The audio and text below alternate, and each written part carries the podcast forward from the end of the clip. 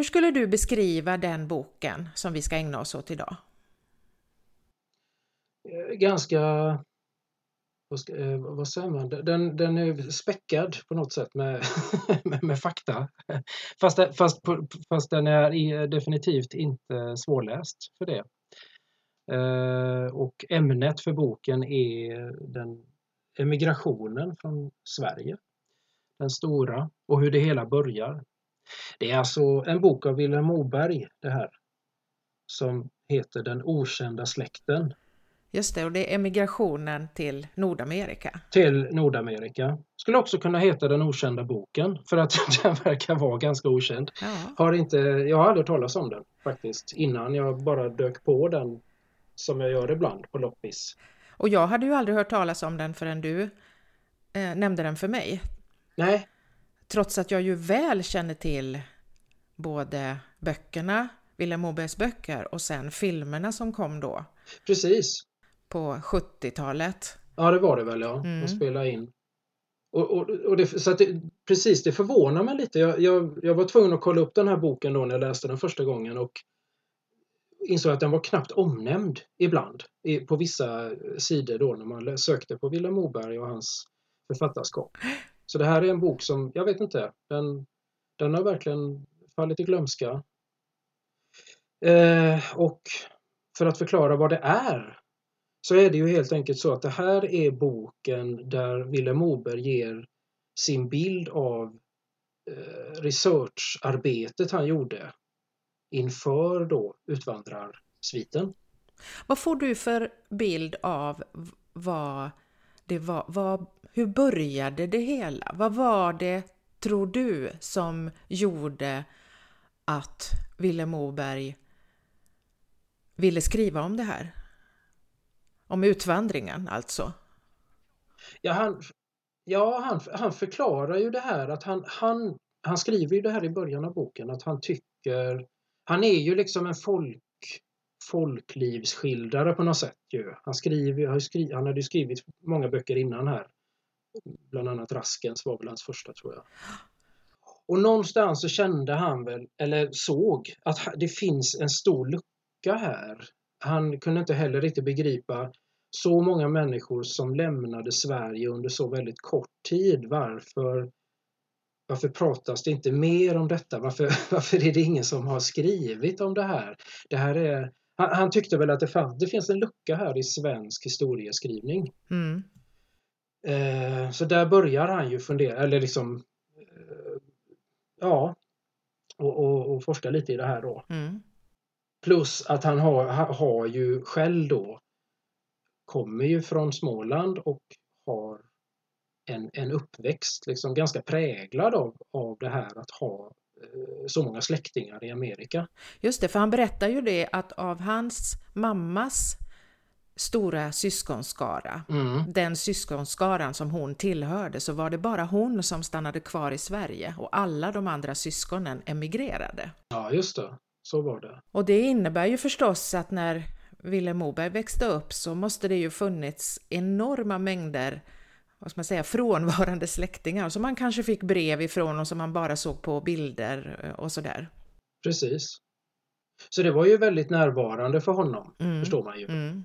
Um, och, och, de läste liksom tidningar så från Amerika för att, som var liksom skrivna, alltså som gavs ut där då. Mm. Eh, på svenska mm.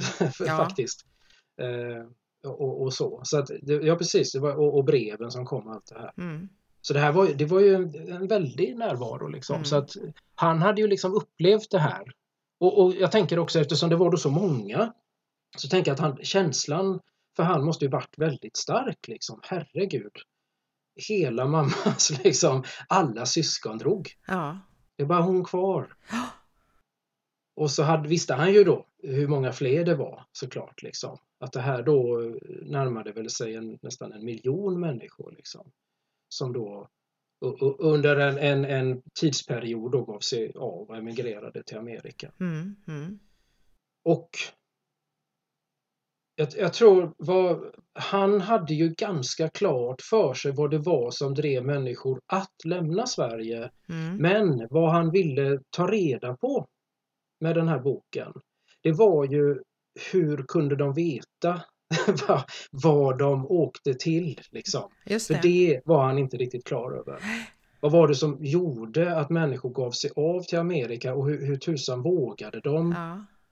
Vad var det de fick till sig som gjorde att de tar liksom steget till den här alltså enorma resan? Eh, om man tänker vilken tid det här är, för det här är ju mitten av 1800-talet då. ja, precis. Lång båtresa in i någonting helt, i alla fall i början av den här perioden, något helt okänt. Helt okänt. Ingen vet.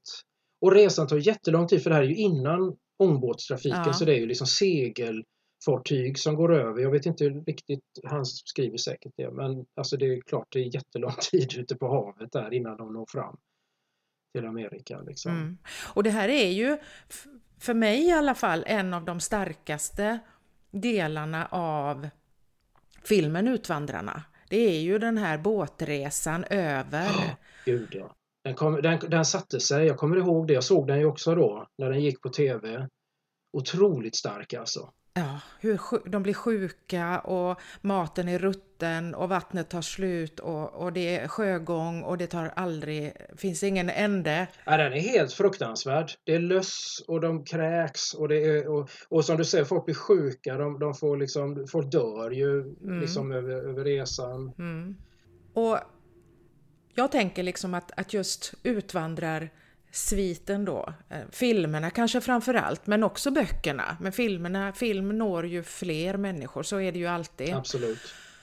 Och sen har man ju, det har gjorts musikal och det här är ju en väldigt närvarande berättelse i den svenska eh, vad ska man säga, moderna historien kan man ju säga. Alla känner ju till Kristina från Duvemåla, Kristina och Karl-Oskar och, och, och, deras barn, flickan som åt ihjäl sig på gröten och de här berättelserna som finns där och att de reste iväg och astrakanäpplet. Det här är ju, Mm. det här är ju verkligen satt sig Mm. tänker jag, eller i, vår, i, våran, i våran själ på något vis, vår folksjäl. Ja, men jag tror det. det, det ja, precis. Det, det sitter liksom i vårt kollektiva eh, minne på något sätt. Fastän att det här är fiktiva personer så, så relaterar vi ju till, till de här. Eh, faktiskt, ja. Ja, och jag tänker också att han lyckades ju att fylla det där hålet som han upplevde fanns. Verkligen. Att, och att, att eh, få, alltså göra de här eh, emigranterna så att säga till människor av kött och blod som man kunde relatera till och, och, och så vidare då. Eh, och då kan man ju tänka att den här boken som är hans redogörelse för den research han gör inför att han skriver böckerna borde ju egentligen inte innehålla några överraskningar, kan man ju tycka då. Nej, egentligen, precis det skulle man ju kunna tro. I alla fall. Men det, så är det ju inte, för den innehåller ju massor med överraskningar. Ja, verkligen. Ja. Alltså för mig var ju det här en, det var, det var därför vi började prata om den. För att det är en av de här böckerna som verkligen har gjort ett väldigt djupt intryck i mig. ja. Eh, på så många olika sätt. Det var en sån ögonöppnare på något sätt, den här. Ehm, och det, det, är ju, det är ju framförallt det här med hur, hur, hel, hur emigrationen tar fart, liksom. Pionjärerna där, liksom. hela den historien. Mm. Eh, som var helt okänd för mig.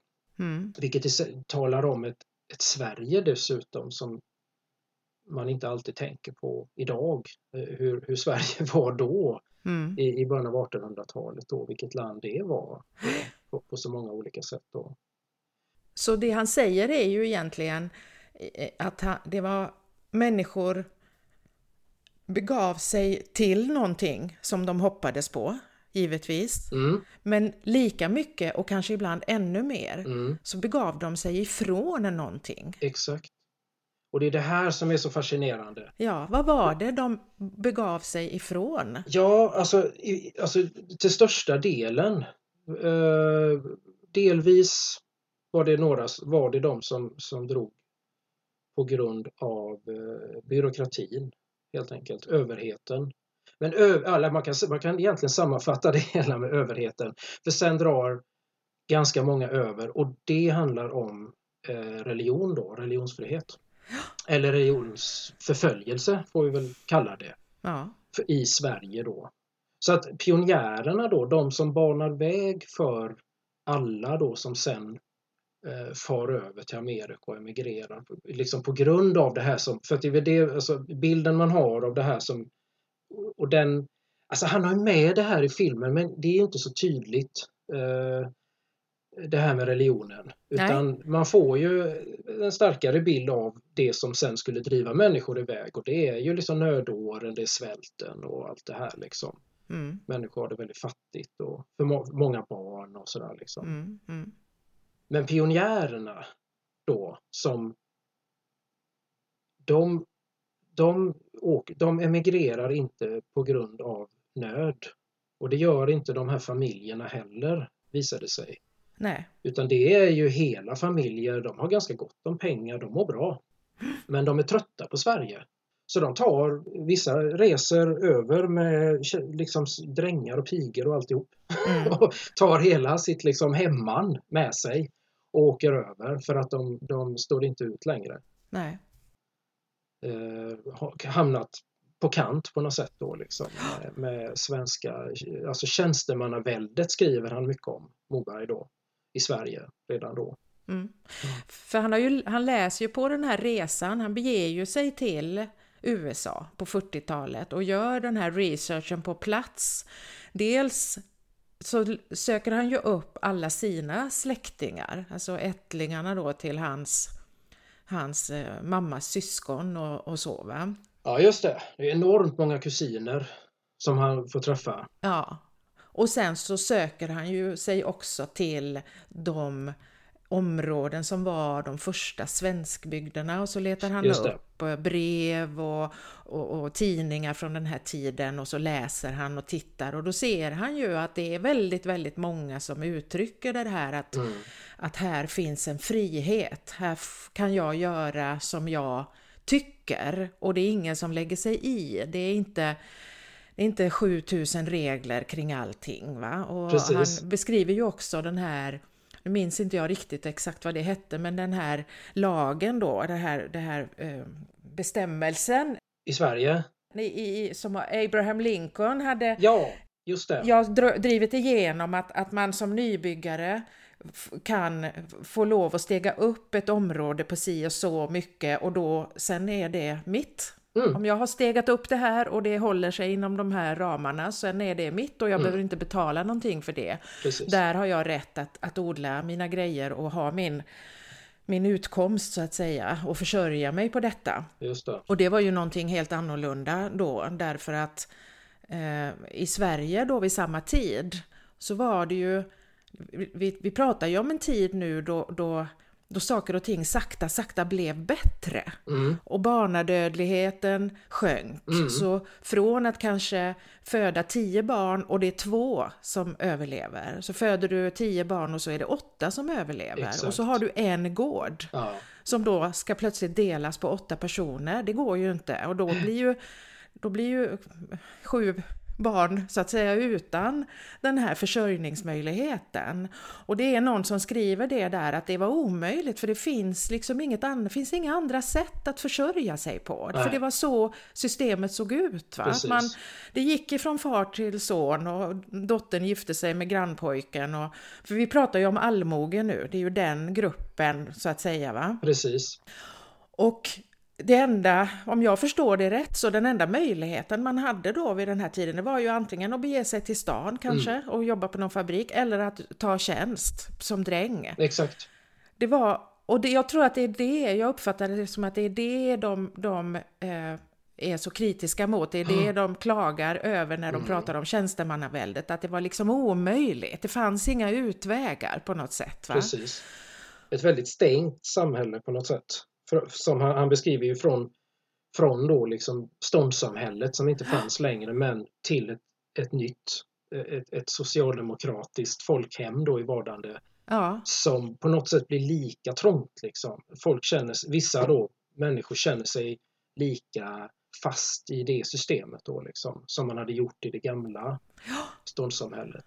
Men precis. Mm. Och sen har vi då eh, kyrkan och eh, ja. det här som det kallas då för konventikelplakatet. Det är exakt. Från 1726 har jag kollat upp här, så, så skrev man en förordning då som förbjöd bönemöten. Ja. Helt enkelt. Ut, utanför kyrkan. Familjeandakter var det enda som var fråntaget men du fick liksom inte kalla samman människor för att hålla bönemöten eller predika eller sitta och läsa bibeln sådär liksom. Om du inte, det skulle ske i kyrkan. Ja. Och det, det, här var liksom, jag, jag, kollade upp det här nu faktiskt, att det, det var liksom någonting man skrev då för på grund av att det redan liksom tidigt då på 1700-talet hade börjat bubbla. Mm. Och att, att eh, någon tysk rörelse som heter pietisterna mm. som då redan börjar liksom gå utanför det här lutheranska liksom och, och det som man hade bestämt då. Liksom. Mm. Mm. Så att där riktar man sig in, men, ganska snart då så blir det ju naturligtvis mer och mer grupper i och med frikyrkorna då de här läsarna som man sa i Sverige då mm. blev fler och fler och fler och fler kände sig liksom, ja men de de vill inte det här var ju jättestarkt förstår man ju liksom. Det här, det här är ju liksom de som, alltså det här är ju den största skaran pionjärer. De här som åker till en, en kontinent som de inte vet något om i stort sett för det är inte direkt någon som har varit där. Och de vet, så de vet inte ens riktigt vart de red. De vet bara att här här i den nya världen som man kallar det, här finns det religionsfrihet. Mm. Här är den totala friheten, här får jag utöva min, min tro precis så som jag vill. Liksom. Det var vad man visste. Mm. Och, och, när vi pratade lite här för några dagar sedan om det här så, så pratade vi om detta med, ja men vad, vad, vad innebar tro? Ja, just det. Om man går tillbaka så långt i tiden, alltså till mitten av 1800-talet, början på 1800-talet kanske. Och det är ju som skillnad från idag, i alla fall i vårt land, därför att idag är ju tro någonting som är väldigt privat och individuellt och väldigt skilt ifrån allting. Och Precis. Om du skulle säga idag att en människa beger sig till ett annat land för att få utöva sin religion, då skulle man tänka en person som är väldigt starkt religiös och, och, där, och som så att säga sätter sin tro och sin religiositet före väldigt mycket annat i livet kanske. Precis. Men jag tänker att för när jag läste den här så tänkte jag tänkte mycket på det här och jag tänker att det här med religionsfriheten och den här den, den här frihetslängtan så att säga från det byråkratiska stela överhetssystemet. Som, mm. som, jag tror att det här hänger ihop väldigt mycket. Därför att jag, jag tänker mig, eh, när jag försöker fantisera kring det här, så tänker jag mig liksom att ja, men, det här handlar nog liksom om, om vanliga människor mm. som kanske har en en, en drift eller en drivkraft att tänka lite grann själva. Mm. Stämmer det verkligen det där som prästen står och domderar om varenda söndag och som, som påverkar hela mitt liv? För det var ju så det var. Staten och kyrkan hängde ju så tajt ihop. Ja, visst. Och det fanns ju ingen det var, det var ju ingen som på den tiden som sa nej, jag är inte religiös, jag tror inte. Nej. För det var inte, så såg inte samhället ut, va? utan jag tänker att det är människor som kanske tycker då, med all rätt kan jag tycka, va? att ja, men jag får, kan väl få läsa den här boken själv. Precis. Och, och, och, och se vad jag tror att det här betyder för mig mm. och för min familj och för meningen med mitt liv och hur man ska bete sig och så vidare. Ska någon annan stå där uppe och påstå saker som jag inte ens förstår vad, vad det är han säger? Precis. Det är den bilden jag får av Mobergs bok. Att det är ju mm. det som driver de här människorna. Liksom. Att jag vill göra som jag vill, kan jag få göra som jag vill? Och, Precis. och det visade sig då att de var ungefär en miljon människor. Mm. I, eh, till slut ja. Till slut, under den här långa perioden. Ja, exakt. Och det, och, och, så jag vet inte riktigt exakt där, hur många som drar över från början. Men det finns ju en sån där som han nämner då, den kan man läsa om. Det, den finns omskriven då i andra böcker också. Om den här Erik Jansarna bland annat då. Som, som är liksom, det, det är Erik Jansson som får en uppenbarelse och eh, trillar ner där på sin åker och, och får en sån där jag ska leda folket, jag ska... ja. Just det. Um, och han får ett enormt inflytande, han får anhängare så att jag, jag tror uh, Han är ju då väldigt tidig med att resa över. Mm. Uh, och jag tror det var han som började med att skicka över någon annan först faktiskt för att göra lite research liksom för att se vad är det för land och kan vi åka dit liksom och var i så fall? Liksom? Ja, det står faktiskt här att han sände en anhängare, Olof Olsson, på en forskningsresa. Just det. Och den här personen då, Olof Olsson, han blev särskilt förtjust i Illinois. Så då, då och, sen så, så, när han kommer tillbaka och, och sådär så, så åker ju Erik Jensen och han, han får ju med sig då, jag, jag tror att till slut så har 1500 anhängare mm. då inte med en gång såklart, men det kommer ju liksom då till det här som han grundar då, Bishop Hill. Han kom från Biskopskulla och det har jag kollat upp, det ligger i Uppsala. Ja, du ser, jag åkte förbi det här om dagen. Precis, du körde förbi det här sa du. Jag var tvungen att kika. Jo, det ligger faktiskt där, så han var därifrån. Och då ville han liksom då skapa ja, utifrån det då liksom. Men vad han egentligen ville skapa, och det här går igen i flera, det är ju The New Jerusalem liksom det är ju visionen och det är inte bara han som får den utan i Amerika så ska vi grunda det nya Jerusalem. Det, det är fler som liksom pratar om detta då. Mm, mm. Att, att här ska eh, liksom här, här, här, har, alltså Gud har utvalt det här stället mm. liksom. Va? Så de grundar ju, och det finns ju kvar idag, det blev ju en stad av det här, Bishop Hill. Jag vet inte hur stor den är idag men det var liksom en, det blev en hel stad. Eh, och med ja, de hade tillverkning och de liksom, ja, för, för att vara självförsörjande då liksom. Mm. Mm, precis. Och bodde kollektivt. De hade någon, någon kommunistisk grund tror jag i sitt liksom, samhälle. Mm. Läste jag någonstans då. Allt skulle, det var gemensamt ägande, de bodde liksom tillsammans kollektivt och sådär. Liksom. Så de hade mycket tankar där om hur hur, hur samhället skulle byggas. För det är klart, de hade, det var ju precis det. De som kom dit då hade ju precis det. De hade all frihet. Mm. Det, var, mm. det var ju det är ju det här som de sen skriver om hem till Sverige då. Mm. Att det är ingen som lägger sig i här vad vi gör. Nej. Vi, vi bygger upp en kyrka här. Vi, vi, vi gör precis vad vi vill där inne i den kyrkan. Den får se ut hur den vill. Vi bygger ett samhälle. Det får se ut hur det vill. Mm. finns ingen stat här liksom Eh, som talar om för oss. Det finns inga regler, ingenting sånt. Liksom. Nej. Och, och, det var ju det här sen nu då som nådde fram till liksom allmogen i, i, i Sverige då. Det var ju de här breven ifrån mm. pionjärerna hem till sina familjer och släktingar i Sverige. Va? Och sen så började det ju komma såna här ja, men, notiser i tidningar och sådär om eh, därför att det, det, var så många och då, ja, sådär va. Och, och, och, det som, och det är ju på något vis det här som skapar det som Willem Moberg kallar då för Amerikalegenden. Alltså att ja. här är här väntar dig frihet, hårt arbete och möjlighet till rikedom. Exakt. Om du, kan, om du är ordentlig och jobbar hårt, då kan du göra din lycka. Ja, då har du, du har alla möjligheter här. Ja. Liksom. Och det, det är intressant just det där, han kallar ju det för eh, Amerikalegenden då. Mm. Och det är ju precis det, han är ute efter hur var kom den ifrån liksom? Mm. För den, den, var han ju medveten om att den, den fanns ju. Någonting hade, någonting hade liksom lite av en myt hade liksom skapats mm. som gjorde att människor liksom bara så nästan hals över huvudet liksom sålde allt de hade och eh, drog.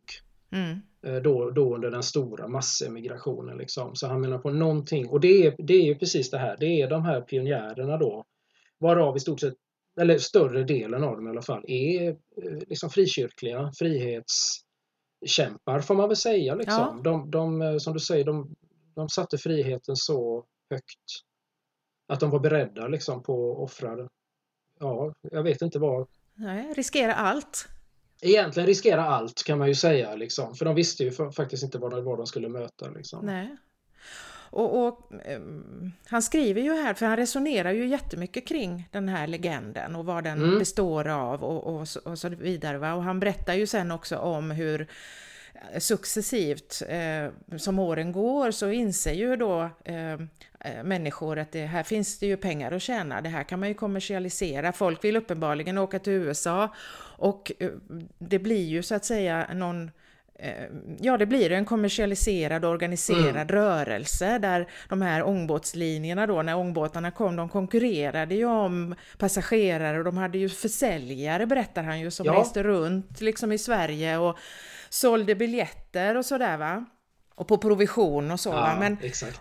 det var en jättestor marknad förstår man ju när man läser om det nu. Liksom, sådär, och, och, människor som helt och hållet livnärde sig på att guida. Liksom. Ja, precis. Guida folk till båten, på båten, eh, även sen då när man kom över. Liksom. Det, var, ja, det var ett levebröd. Liksom. Och han berättar ju också då om att 1871 eh, så, så kom det, startade man en tidning som hette Amerika i Göteborg tror jag, som vars enda syfte var att främja utvandringen. Ja, det var som ett reklamblad liksom på något sätt. Mm. Och då skriver han ju här, Willem Åberg, att nu var ju Amerikalegenden fullt utvecklad. Ja. Eh, men trots den enorma skönmålning som nu så att säga hade målats på, hela, alla bilder som hade målats på den här legenden, så innehöll den ändå en kärna av sanning, mm. skriver ju han. Mm. Att för duktigt och arbetsamt folk erbjöd Amerika större möjligheter än hemlandet, ja. slår ju han fast här. Och då är vi på 1870-talet. Mm. mm. Mm. Och det är ju, alltså det är ju väldigt intressant. Alltså jag kan inte riktigt sluta tänka på den här, eh, eh, alltså den här gruppen, en miljon svenskar. Exakt, ja. Som reste.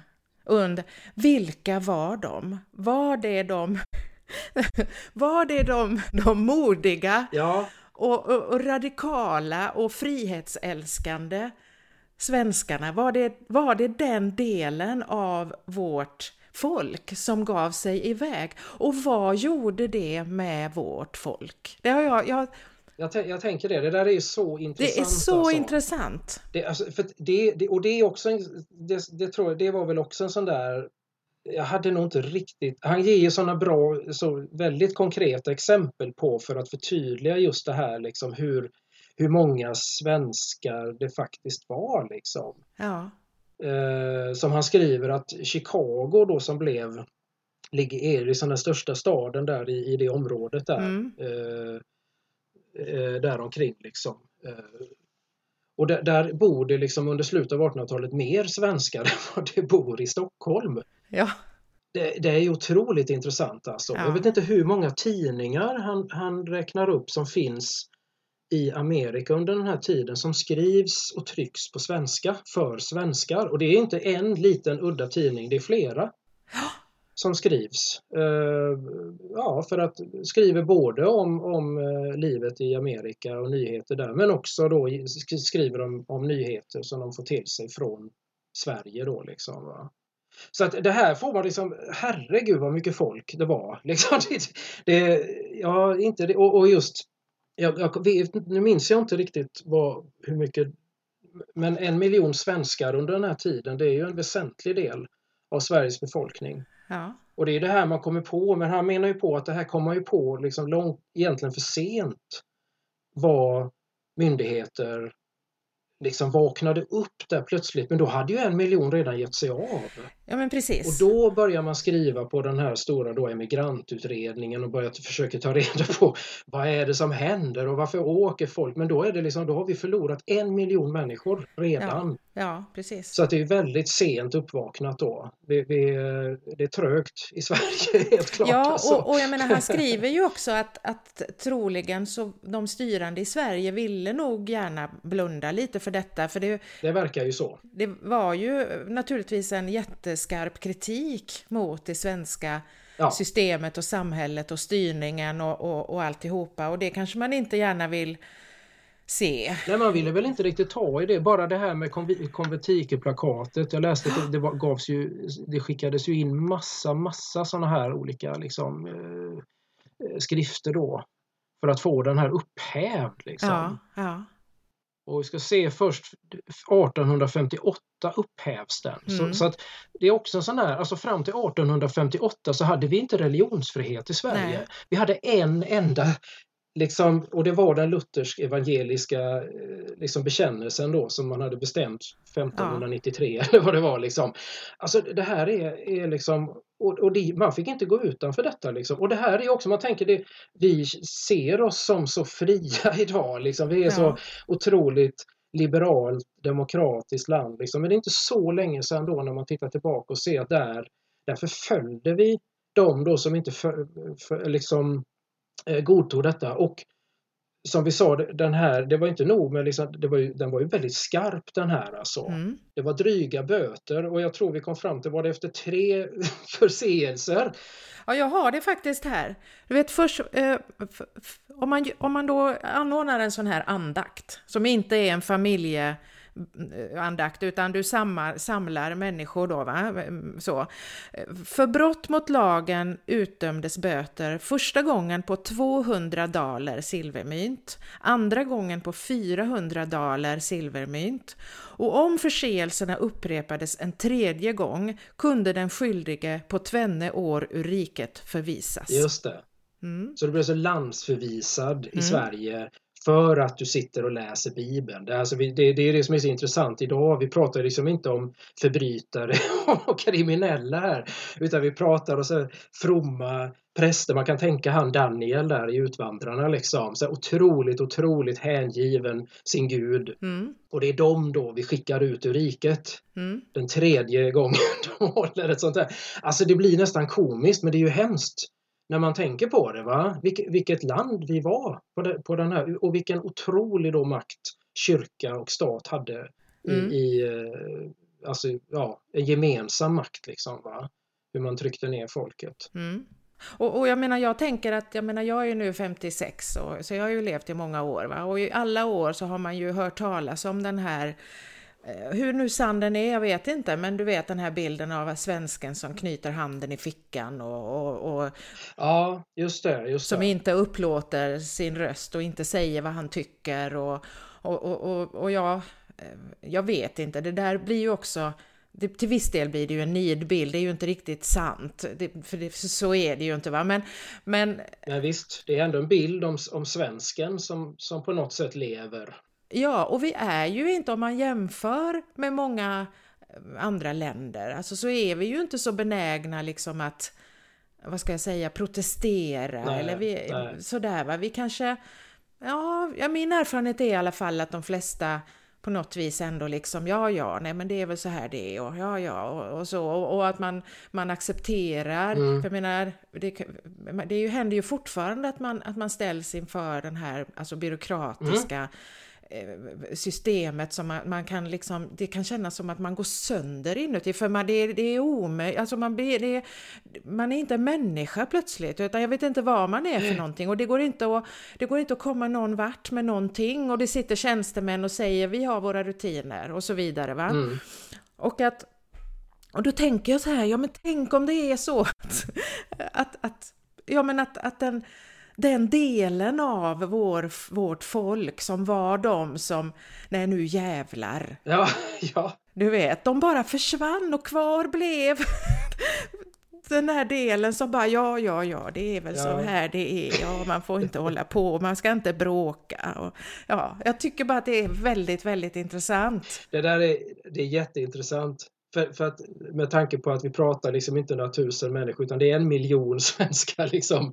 Och precis som du säger, tänk om det var just dem. Liksom. Och alla ja. de som blir kvar, liksom, det, det är de, det är vi, vi stammar här i Sverige då från alla de som, som blev kvar. Liksom. De som inte vågade, de som inte höjde rösten, de som tänkte ja, ja. Och deras ättlingar är vi. Det är vi det. Som, som, de som liksom är äh, vi knogar på här.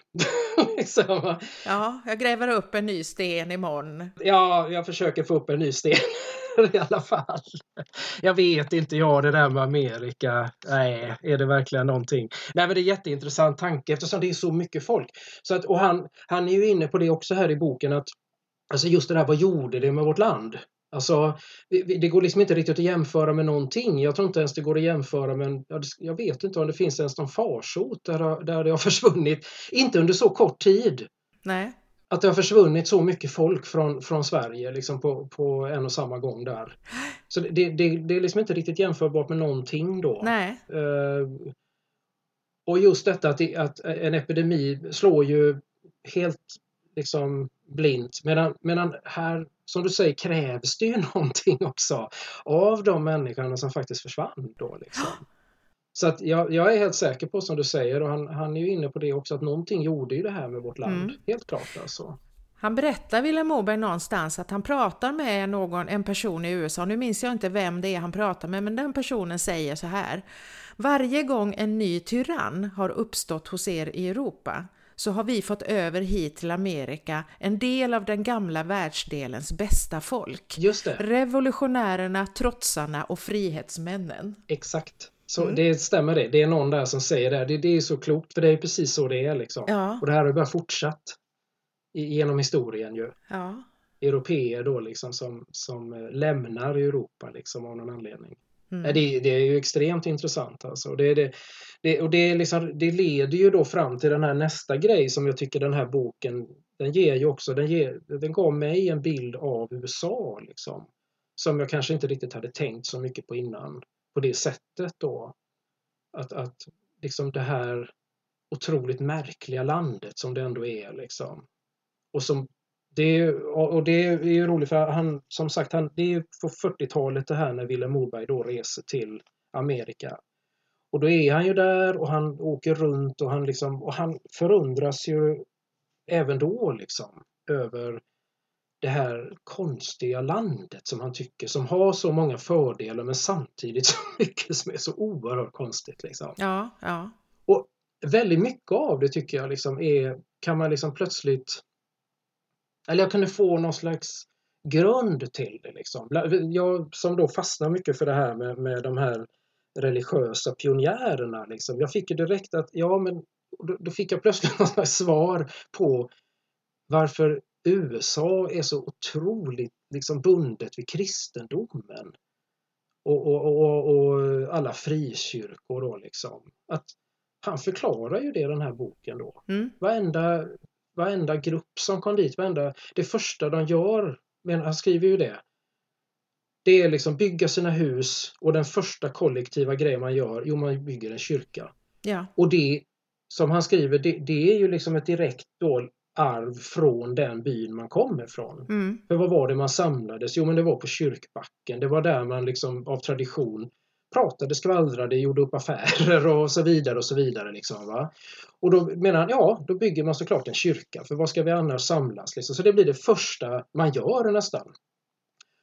Och dessutom så har man liksom kommit dit för att man vill vara liksom sin tro eh, liksom sann och hängiven. Så att på det viset så blir det, då, det, det, alltså det, det, förstår man ju då att det här blir en väldigt stark kyrka. Liksom, mm. i de här. Jo, det blir ju det. Därför jag tänker att de tar ju med sig fördelarna ja. som hemifrån. Alltså det, det, den här ändå kollektiva gemenskapen med kyrkan mitt mötesplatsen och, och det va?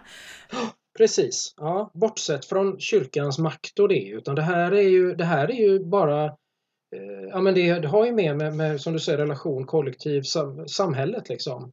Så det ger ju en, en, en, ökad förståelse och ett, ett större djup liksom till ja, men det moderna USA som vi ser idag. Liksom. Det gör det ju. Absolut! Ja men det gör det. För jag, jag, man kan ju se det, jajamän. Han, han säger det, Vilhelm Moberg som är så kulturivrare, han är ju alldeles bestört när han kommer till något ställe. Inga teater, inget bio, inget...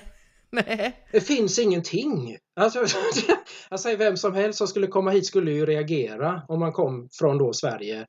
Att här finns liksom det finns bara en kyrka. Och, och, det roliga är ju att när han då pratar med folket, det är ju ingen riktigt som fattar vad han pratar om. För, för, men vad har ni liksom, har ni inget bibliotek, har ni inget kulturhus, konserthall? Och de bara så nej, vad ska vi med det till? Vi har ju kyrkan. Ja allt sker i kyrkan. De förstår inte vad, riktigt vad, vad, vad han är ute efter. Liksom, sådär, va? Tycker bara han är konstig när han pratar så. Det är ju någon kvinna där som säger, när han berättar att han är författare, som säger att det, det måste du ju genast sluta med. Ja. Det finns väl ingenting så, så alltså nedbrytande och syndigt som att hitta på berättelser när det finns Bibeln. Nej, du ska ju läsa Bibeln. Hon, hon hade ju, han utvecklade ju det någonstans att han, det är syndigt bara att läsa romaner. Så hur, ja. hur, ska, hur, ska, det då inte vara för den som liksom skriver romanen som är hemskt syndigt faktiskt alltså. Fruktansvärt. Ja, och, och, det är så roligt för att han beskriver ju det inte som att hon egentligen fördömer honom utan mer av någon slags omsorg, va? Att kära vän. Nej, men du får byta yrke, vet du, det går inte. Det där får du ju genast sluta med. du är för tappad, stackars människa. ja, det är jätteroligt tycker jag. Jo, nu är jag bekymrad. det, och det är väl någon, jag tror att det är någon sån där släkting där. Han träffar ju så många släktingar så det, det är någon där, någon äldre dam. Nej men alltså det här är ju så, det blir så intressant för att då, precis då får jag en liksom, ja, men en fördjupad bild av, av en del av USA i alla fall. Varför det är mm -hmm. som mhm. det är och varför vi, man ser det här liksom fortfarande. Varför har de In God We Trust på dollarsedeln? Liksom, ja, och sådär, precis. Ja.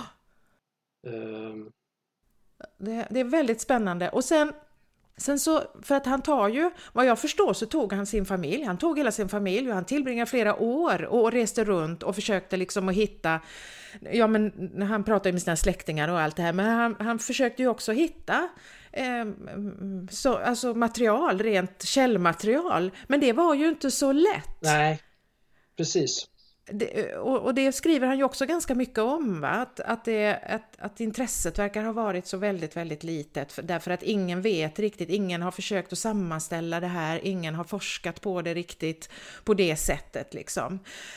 Men så hittar han ju då den här eh, han hittar ju en dagbok, eller vad man ska kalla det för. Ja, en dagbok. En dagbok är det, ja. Eh, Precis. Ja. Mm. Och då är det ju en man, en svensk man då, Andrew Peterson heter han väl som amerikan då, men han kommer ju ifrån Sverige. Mm. Och han har kommit som följare åt en Fredrik Olaus Nilsson. Mm. Som var en av de här som faktiskt utvisades ur Sverige. Därför att han hade startat en baptistförsamling hemma. Ja, just det. Mm. Just det.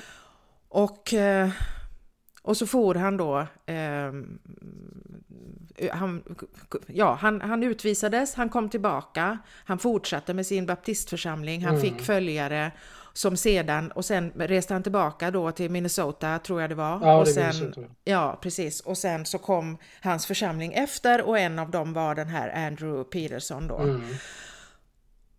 Och med honom är det ju väldigt spännande därför att han skriver ju då varje dag i sin lilla dagbok. Ja.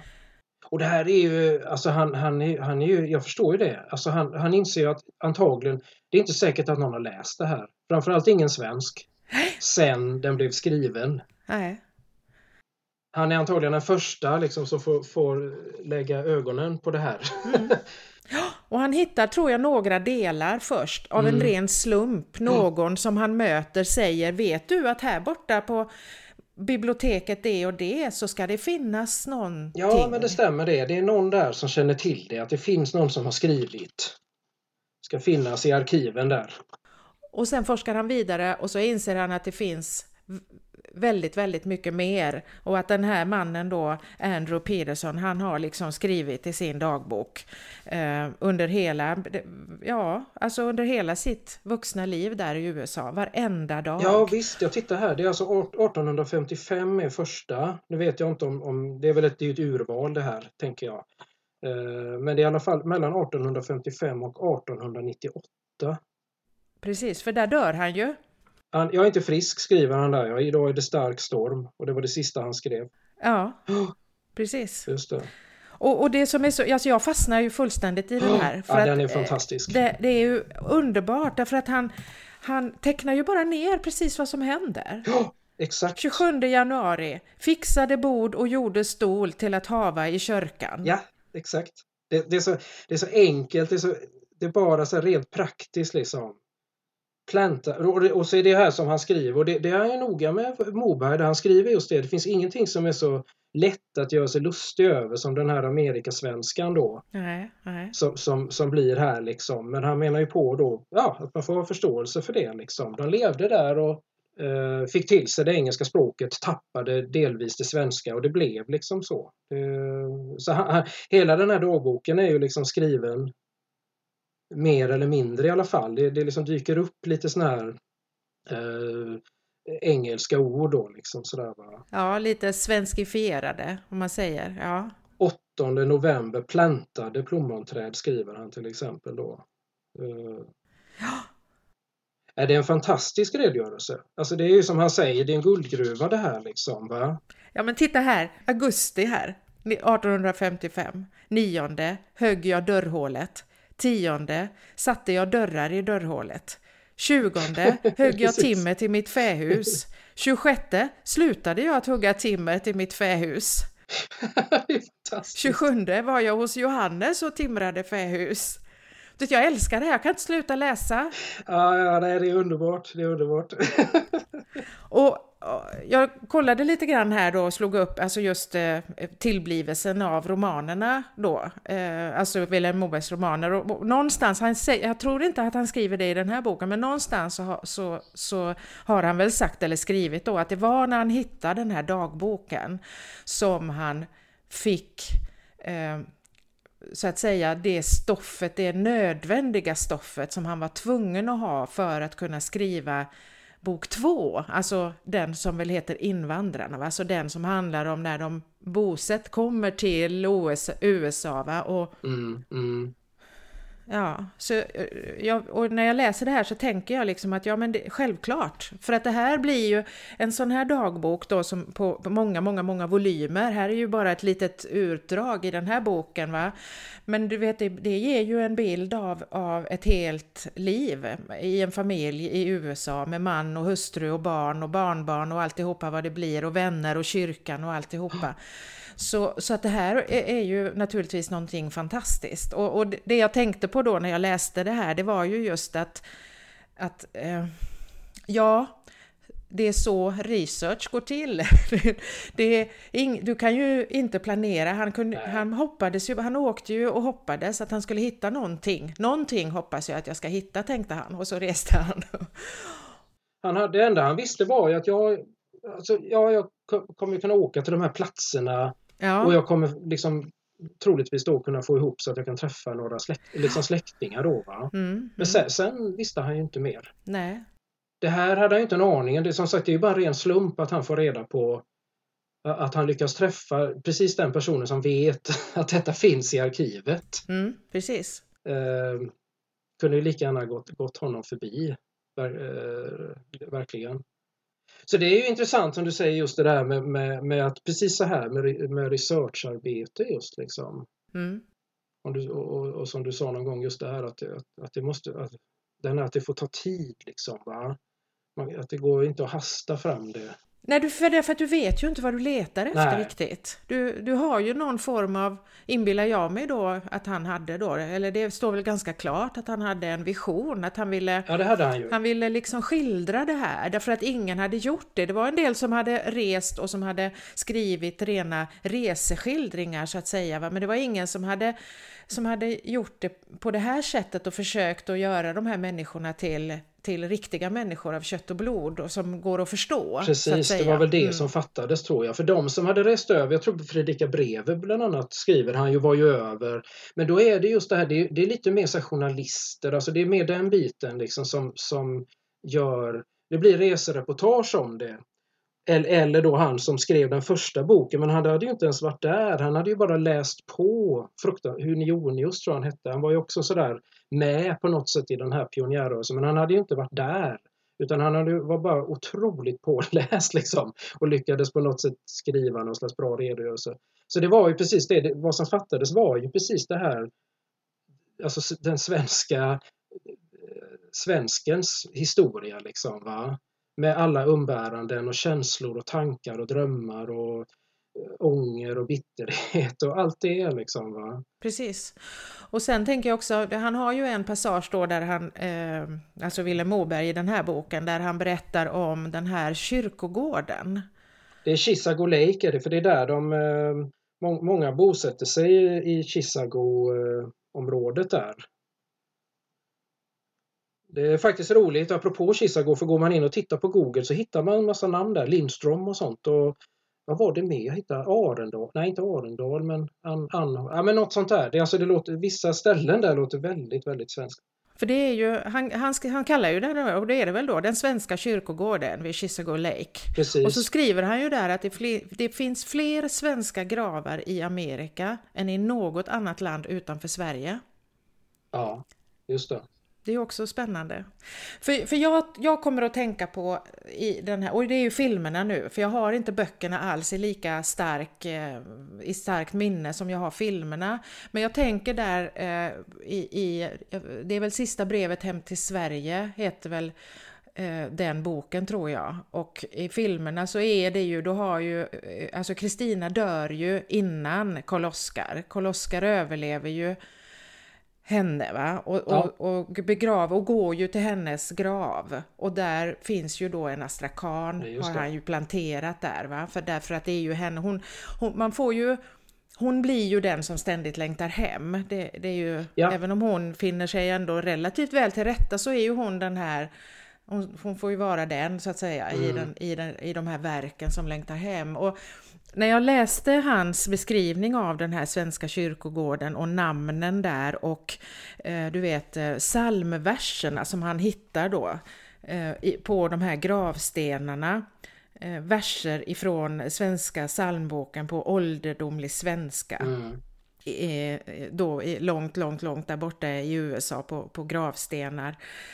Så, så kopplar jag ihop det så med med Kristina och med hennes eh, liv i USA och den här scenen när han går till kyrkogården och där ligger hon långt, långt, långt, långt borta ifrån sitt fäderneland. Hon som alltid längtade hem. Exakt. Så jag liksom kom att tänka på det. Det är ju bara min tolkning, men jag får en känsla av liksom att ja, men det är säkert, det hänger säkert ihop där liksom för att eh, att han fick en stark känsla tror jag när han kom till den kyrkogården och såg det här. Ja, för det, han, han, ja, för man förstår ju när han skriver om det här att det är väldigt starkt. När han står där och läser liksom bara det, det börjar med att han läser, jag hittade här nu, födelseorterna då liksom. Född i Allgudsboda, Sverige. Född i Långasjö, Sverige och då, det här är ju liksom då som så Chisago County. Det är ju liksom Ja, det är ju, ja, det är mitt i, i amerikanska kontinenten där liksom, bortanför Chicago. Eh, och sen då som du säger de här i skolan ingå i hans rolighet, står det på någon här, och allt här intills har för Herren hulpet. Mm. Fantastiskt språk, verkligen alltså detta språk med klang av gammal bygdekyrka i 1800-talets Sverige. Nej, men det, det, jag tror att många av de här grejerna, alltså han, mycket av det har han ju så att säga liksom fått in och gestaltat i personerna. Liksom. Ja. Mm. Och det är samma då, hela, hela den här historien med liksom pionjärerna har han ju fått in i Daniel. Ja. Som är en läsare som får prosten på sig och får hoten om inte, jag vet inte de pratar inte om landsförvisning, men han har ju hoten över sig liksom. Så. Eh, både länsman och prosten dyker upp där vid något sånt där möte de har. Liksom. Och sen även det här som jag tycker, för det, det, det dyker också upp när man läser om de här jansarna och, och, alla de här då som åker över att och den har ju, den har ju Daniel fått ha. Han är ju övertygad om dels att de inte ska bli sjösjuka Just det. på resan över. För de har Gud med sig. Tror du bara tillräckligt så blir du inte sjösjuk. Dessutom tror han ju att när de stiger i land så ska det ske det som skedde med apostlarna på pingst. De ska kunna tala ja. eh, flytande amerika det nya språket utan problem. Liksom, va? Det här ska vara för det här är, det, vi åker ju liksom, det är Guds vilja det här liksom. Och det man förstår att väldigt många åkte med precis den här känslan liksom. Att, det, att det, liksom, Gud vill det här liksom, med oss. Mm. Vi är utvalda och det, vi, vi, behöver inte tänka så mycket på liksom, vad som ska hända där för att det ordnar Gud. Liksom, va? Vi kommer till och med kunna prata med dem som är där. Mm. Liksom, och sen då det här jättehemska uppvaknande. Alltså Daniel är ju den som drabbas värst. Liksom. Ja. Frun då som dör och och han, han, kommer i land där liksom och sjösjuk blev han, värst av alla. Alltså han är ju så nedbruten, det är hemskt när han kommer fram där liksom i sin tro då liksom. Och så kommer de fram och det visar sig att han kan inte ett ord. Liksom. Alltså det är hemsk bild. Men jag tror att han, han har fått gestaltat, jag kan tänka mig att det här måste ju då många ha upplevt naturligtvis om man hade den här starka tron verkligen. Mm. Liksom. Det har ju inte, jag menar som Karl-Oskar som är mer liksom och Kristina, de är ju mer sådär jordfasta, de har ju inte alls den här tanken. Om, nej, nej. Om, de, de tror ju på Gud, Kristina är ju väldigt gudfruktig, men hon har ju inte den där synen som Daniel och hans familj har. Liksom. Hon hyser väl inga, tror jag inte, några tankar om att hon ska eh, bli, bli liksom intagen av den heliga anden när hon kommer över. Liksom. Utan hon är lite mer jordnära tror jag. Ja, ja. Nej men där tror jag mer att det handlar om just det här att, att det är, de är representanter för den där eh, eh, alltså den där delen av allmogen som så att säga reste över för, att, för ett bättre liv. Precis. De ville ha det bättre. De tyckte, att de, de tyckte att de slet och slet och slet och det blev aldrig bättre. Nej. Hus, där där ladan brann ner och skörden gav inget och så vidare. Liksom, det var ju bara slag på slag. Så att, ja, precis, att han, har, han har ju liksom hittat han, nu när man har läst den här boken så kan man se det väldigt tydligt som du säger vilka då som får representera vad i hela den här emigranthistorien. Då, va? Ja, och jag tänker även på eh, Ulrika, kommer du ihåg henne? Ja, prostituerade kvinna. Ja, för att eh, det har han ju också en liten, ett, ett resonemang om i den här boken att det, det fanns en, ett, en, så att säga, ett särskilt utrymme för yngre kvinnor. Stämmer det? Det skriver han någonstans. Därför att det var ett sånt kvinnounderskott. Ja. Så att var man liksom en ung och arbetsam kvinna, mm. då kunde man lätt finna sig en bra man om man reste till USA. Just det. Och det här var någonting som jag tror också, för mig han skriver, att det här skrevs i tidningar ja. eh, och, och sådär. Det skrevs som i brev och sådär att det här att det, det, du kom hit och gift dig. Liksom. Ja. Det var så nästan marknadsföring där. Liksom. Och det var ju just för att det var som sagt det var ett överskott på män som reste över har man förstått.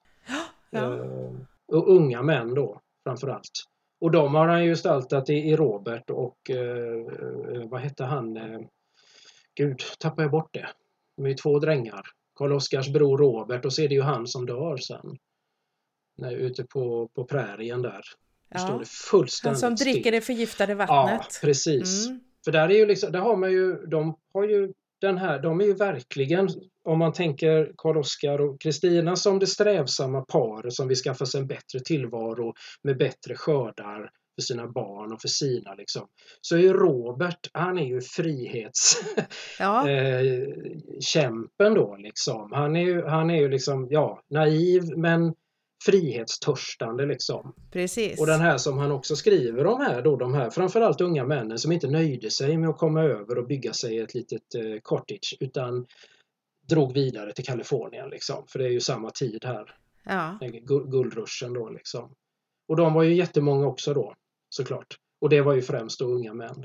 Ja, och jag menar han var ju, han ville ju definitivt inte det här dränglivet. Nej, nej, nej, nej. Han vantrivdes ju eh, från början liksom.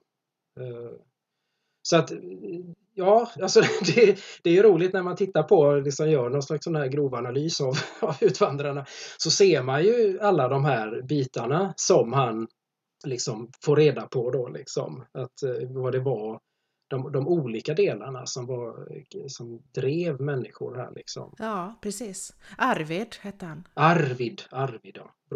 Robert och Arvid. Mm, just det, det stämmer.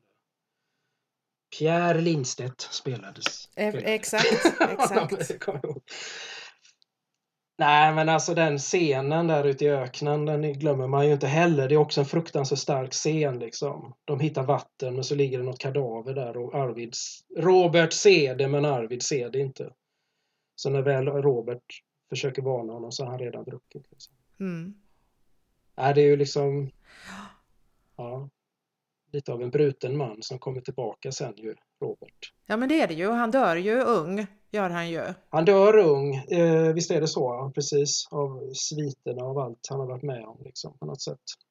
Jag vet inte riktigt om det framgår, det gör det ju säkert. Jag minns inte det nu, jag minns bara att han dör ung. Och jag vet att jag såg filmerna då första, jag var ju så ung då, alltså, det, och då vet jag att man var väl lite, man identifierade sig lite grann med honom där ju. Ja, det gjorde man ju, absolut. På något vis, därför att han var liksom närmast i ålder och så. Ja. Så jag vet att jag tyckte att det var väldigt sorgligt när han kom hem. Han var liksom inte sin... Han var inte sig själv ju. Nej, men han var liksom en bruten människa liksom, desillusionerad liksom. Och, och vet jag, det är väl någon scen där också när de liksom, för de tror ju fortfarande inte på honom. När han till slut bara hystar upp pengarna. eller hur det nu är. Ja, eller om det är guld, jag tror det är pengar. Han har växlat in det liksom. Så kastar han upp liksom en packe pengar liksom. Säger ingenting liksom, utan bara, ja, så här blev det. Ja. Men vad skulle du säga då om vi säger att Vilhelm Moberg hade en vision att, att eh, gestalta den här, den här eh, rörelsen, den här stora eh, emigrantrörelsen som, som då hela den här stora utvandringen och de svenskarna och det som påverkade det och det som drev det. Eh, vad säger du, lyckades han med sin vision tycker du? Ja, det tycker jag nog att han gör. Det enda alltså, som man kan se, men jag förstår ju också, han, alltså, om jag tänker mig in i liksom då, alltså som författare då liksom, så hade det varit för mycket att få in pionjärrörelsen också. Mm. För då hade det blivit ett epos på något sätt över väldigt lång, mycket längre tid och, och, han hade heller inte kunnat koncentrera det till den här familjen som han kunde göra nu då. Nej, precis. Så att det enda jag tänkte är ju som, som liksom då på något sätt fattas i den här bilden av det, det är ju just hur det hela började. Ja. Att, att, det, att de pionjärerna var frireligiösa. Men om, om, man, om jag bortser från det, liksom, att den, den luckan då liksom, så tycker jag nog faktiskt han, att han har lyckats gestalta det väldigt bra. Det måste jag nog säga. Han har, han har ju ändå fått in så mycket som jag kan tänka mig att det går. då, va? När man tittar på det nu. Nej, men jag, jag håller med om det och jag tänker också det jag har tänkt på när, nu när jag har läst den här boken och gått och grunnat på den. Det är ju att jag tycker att det är så fascinerande då med litteratur. Ja. Um, att och jag menar, dit, nu, nu, tänker jag inte bara på böckerna utan även på filmen, musikalen och allt, allt det här va. Ja, precis. Det är samma här. att Jag, jag, har, med, jag har filmerna också mycket, mycket mer eh, aktuellt. Liksom. Och, och, det som är så fascinerande det är ju då att den här har ju blivit någon, folk, någon form av nationalberättelse. Den nästan alla, som vi sa i början, nästan alla känner ju till. Säger man Karl-Oskar och Kristina så vet alla vad man pratar om. Och det har gjorts eh, som sagt föreställningar, det finns, det finns musik idag som är odödlig, som ingen kommer att kunna glömma va? Nej, nej, i och med att de skrev en stor musikal sen nu då, eh, Kristina från Duvemåla va? Ja, visst, och de här fantastiska sångarna som gjorde de här När guldet blev till sand och, och, och, även den här Du måste finnas, den här sången som Helen Sjöholm gör som är så otroligt fantastisk. Och de har ju i sin tur liksom tagit berättelsen ytterligare ett steg när de har satt ord på den här känslan, Kristinas känsla till exempel, va? och Roberts känsla inför sin, den här resan. Och det, och, och, det är så fascinerande tycker jag hur bra litteratur tar aldrig slut. Det växer alltid. Precis. Till någonting mer. Mm.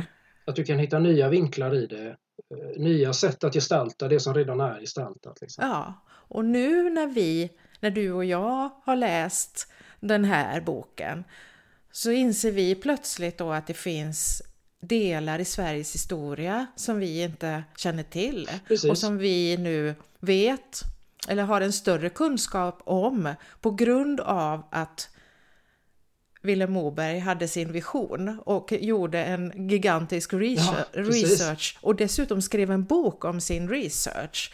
Och grunden i alltihopa är ju romanen, eller romanerna, romansviten. Det är ju det som är själva grunden till, och sen allt det här andra, ja, det liksom byggs runt omkring och plötsligt så får man en annan bild av, ja just det, just det, det det kanske var så och vad har det för påverkan idag? Vad gjorde det med oss och hur? Det är så oerhört fantastiskt intressant. Och invandring och utvandring idag, hur ser det ut? Och det, så att det på något vis ständigt, det blir ständigt aktuellt. Jo men det är väl precis som du säger det här, det, det som är någon slags levande litteratur liksom. Den som av olika skäl fortfarande har någonting att berätta för oss. Liksom. Jag menar om man tittar tillbaka alla dessa oerhört stora mängd böcker som är bortglömda idag. Som ingen läser och som ingen vet att ens att de har skrivit. Liksom. Om man då jämför med vissa av de här böckerna. Som de här då som uppenbarligen fyller en funktion för oss liksom, i vårt eh, ja, men i någon slags kollektivt eh, liksom, minne eller liksom vår, vår kultur. Liksom, Att det här är, han lyckades ju på något sätt skriva Alltså jag, jag tänker lite på, jag läs, kom in på, jag läste en bok om Ove Wikström, han är ju religionspsykolog. Där han liksom skriver om hur det, alltså kan man använda sig av fiktiva gestalter eh, när man liksom försöker hitta svar på frågor och så. Det är ju ändå påhittade människor. Kan man verkligen vända sig till påhittade mm. karaktärer? Mm. Liksom? Eh, sådär, va? Han, och då tar han upp massa exempel i den, då bland annat då skriver han om Aljosha i, i Bröderna Karamazov och så. Hans tes är ju att det kan man definitivt göra för att han menar på liksom att den litteraturen som är så bra och så välskriven så spelar det inte längre någon roll om den här personen har levt eller inte, för den kunde ha levt lika gärna. Va?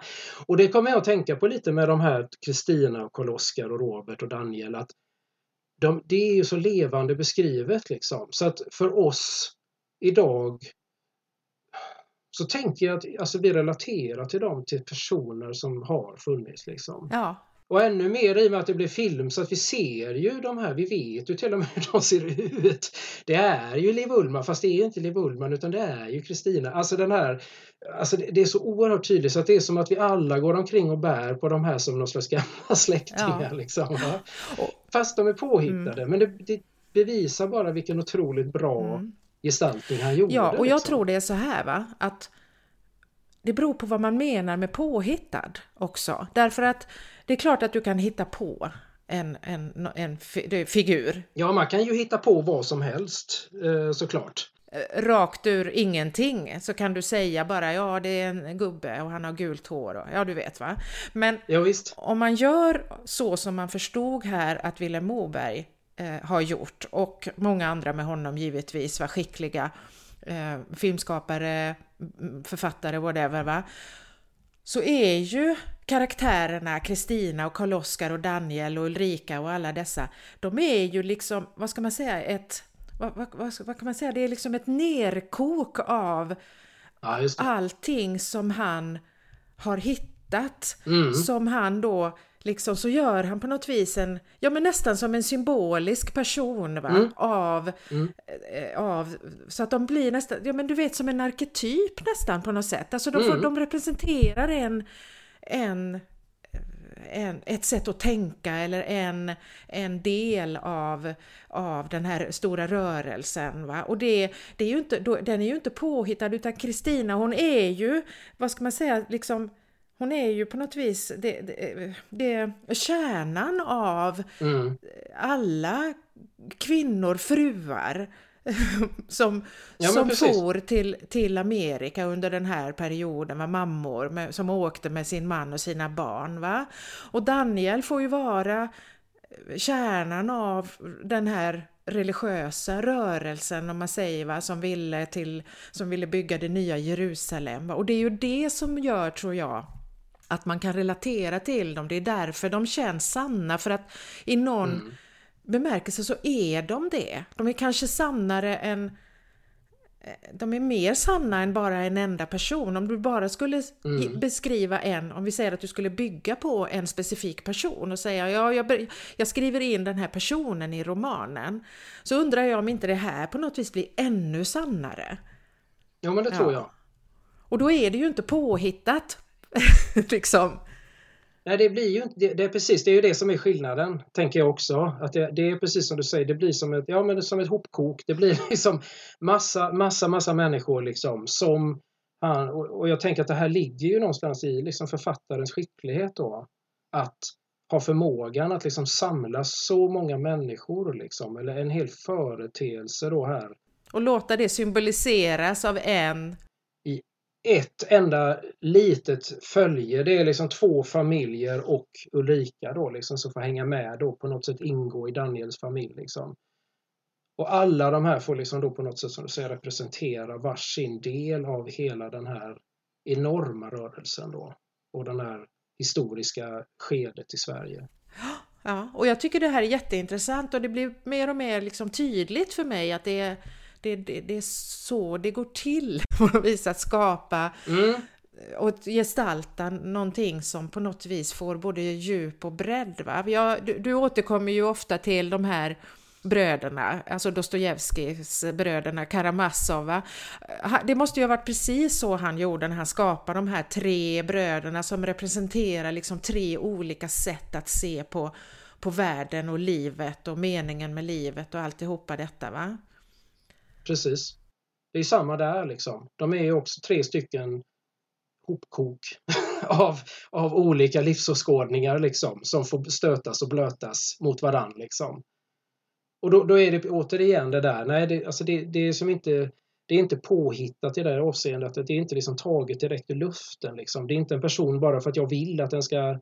Det blir ju skojigt att han är sån. Utan, utan, utan det, det är precis det, det, är grundat. Liksom. Det finns någonting i detta. Liksom. Så här, som Aljosha, så här tänker en djupt religiös människa. Eller fler eller religiösa människor. Liksom. Det är fler som har det här synsättet. Då eller Ivan, så här tänker en människa som förkastar Gud. Liksom, va? Alla de samtal jag haft med människor, alla böcker jag har läst om detta får liksom hamnar då i Ivan eller alltså så här liksom, va? precis som här då, att här får alla liksom de här breven hem får liksom eller, eller liksom tankarna då får liksom knös in där i, i Karl Oskar liksom och Kristina. Så det, det, är intressant. Så det säger ju något också om, om som du säger, om själva skrivandet liksom, eh, och, och, författandet. Som du säger, hur det går till liksom. Och också det här då som vi varit inne på, liksom, vilket enormt researcharbete. Man är så oerhört tacksam över att han gjorde en bok av det. Det hade han ju inte behövt göra. Oftast görs det väl inte, tänker jag. Utan det här är ju bara anteckningar som blir liggande någonstans hemma hos författaren. Liksom. Ja, gud, jag menar oftast, om ens det liksom, du vet, det kan vara så här spridda små lappar bara som flyger omkring och så, du vet.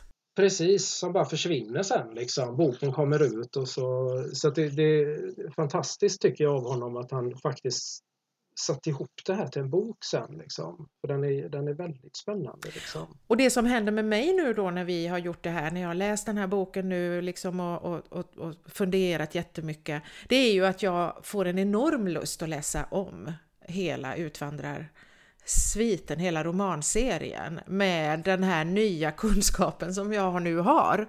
Det är samma här. Jag, jag var ju tvungen att titta på filmerna nu när jag hade läst den första gången.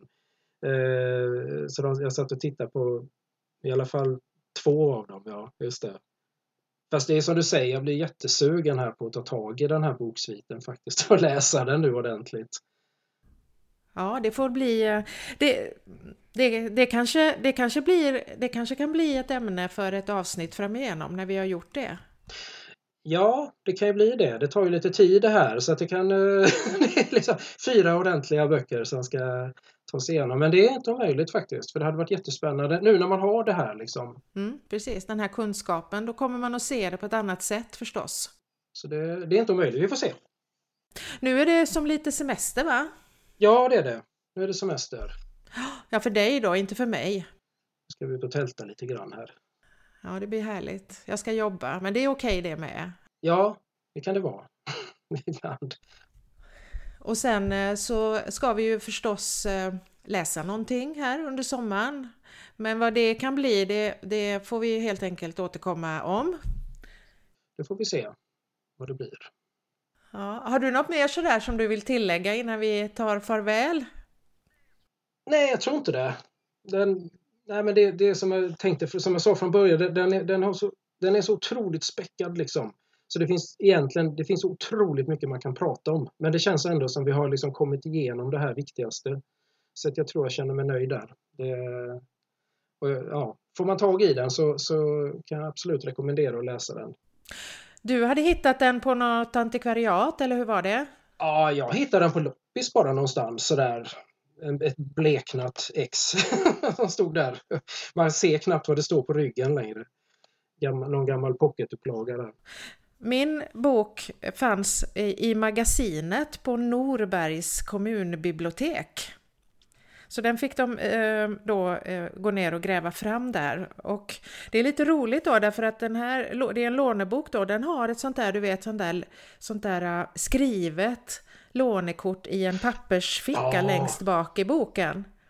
Och den är inte ens stämplad vet du, utan den är liksom, det är skrivet, det är datum. Så det står så här... Ja! 60, 65, 69, ja det, var, ja det är länge sedan den här boken har varit utlånad tror jag. Ja. ja. 1965 står det här, ja. 65, jag tittar just där, 59 mm. är den tryckt. I alla fall denna, men det verkar som den 50 är nog egentligen, den är nog från 50. Ja, den glömde jag säga. Ja, nej, så det är väl lite så. Man får nog leta lite efter den. Det är ingen bok, man, du kan inte gå till Pocket Shop och köpa den. Nej, inte Pocket Shop. Nej, men, men loppisar och, och... Eh, jag tror loppis, antikvariat och, mm. och bibliotek. Uh, ja. Men du, då, då säger vi, vi säger hej då för idag och ha det så bra allihopa. Det gör vi. Får ni en trevlig sommar. Hej då.